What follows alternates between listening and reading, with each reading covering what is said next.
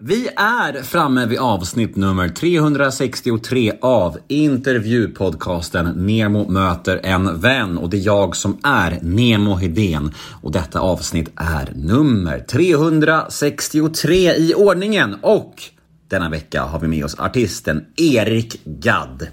Detta är precis som vanligt ett podmi exklusivt avsnitt. Så det ni kommer att få höra här nu hos mig är en liten teaser från mitt snack med Erik. Ett litet smakprov om man så vill.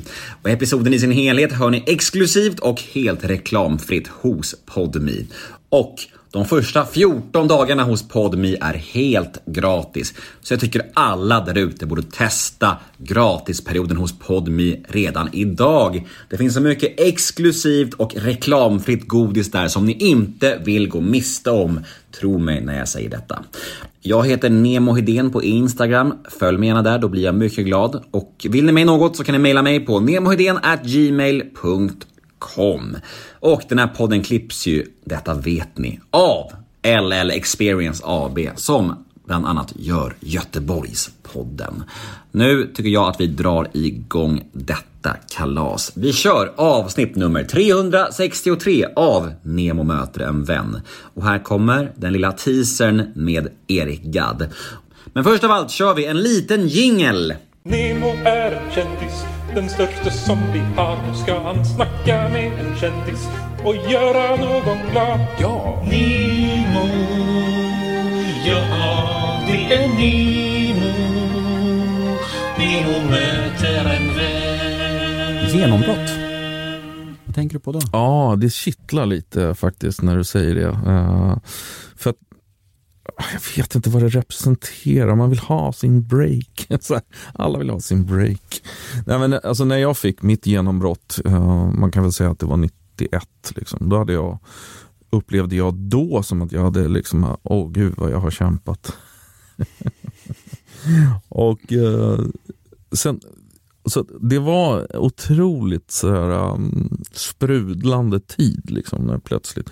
Stockholm är ju också uh, Eh, en ganska tuff stad, alltså ganska eller tuff, nej, eh, lite stängd stad, lite kall, lite stängd stad. Det är, det är många som jag känner som ifrån från andra länder som har åkt hit och försökt hänga här en stund. Som säger att det är jävligt svårt med Stockholm. Att skaffa sig bara en vän.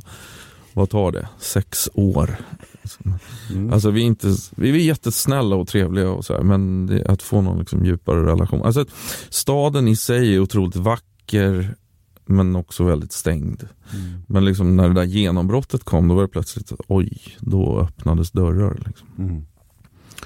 Uh, för, från att ha gått till att inte komma in på ställen och restauranger och så vidare så var det typ röda mattan liksom, mm. över en natt. Mm. Var det nästan den känslan? Ja, det var det. Ja. Och jag, jag, jag inbillar mig att det var ännu mer så förut. Mm. Nu är det så diversifierat allting. Det finns så mycket nischer nu. Man kan sitta bredvid någon på tunnelbanan som är superstjärna mm. och har ingen aning om vem det är. Nej.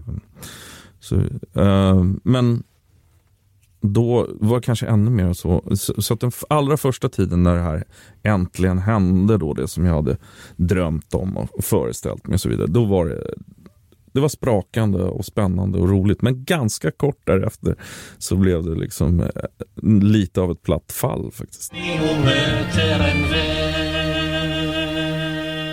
Och där var tyvärr smakprovet över. Där var teasern i mål. Och jag förstår att det känns tråkigt, det är ju en väldigt kort teaser. Men vet ni vad? Jag har en lösning på era problem. Vill ni höra fullängdaren av detta avsnitt? Av detta härliga mysavsnitt med den otroligt sympatiske Erik Gadd? Ja, då kan ni gå in på podme.com eller ladda ner podme appen för där finns den. Vi hörs på podme. Nemo möter en vän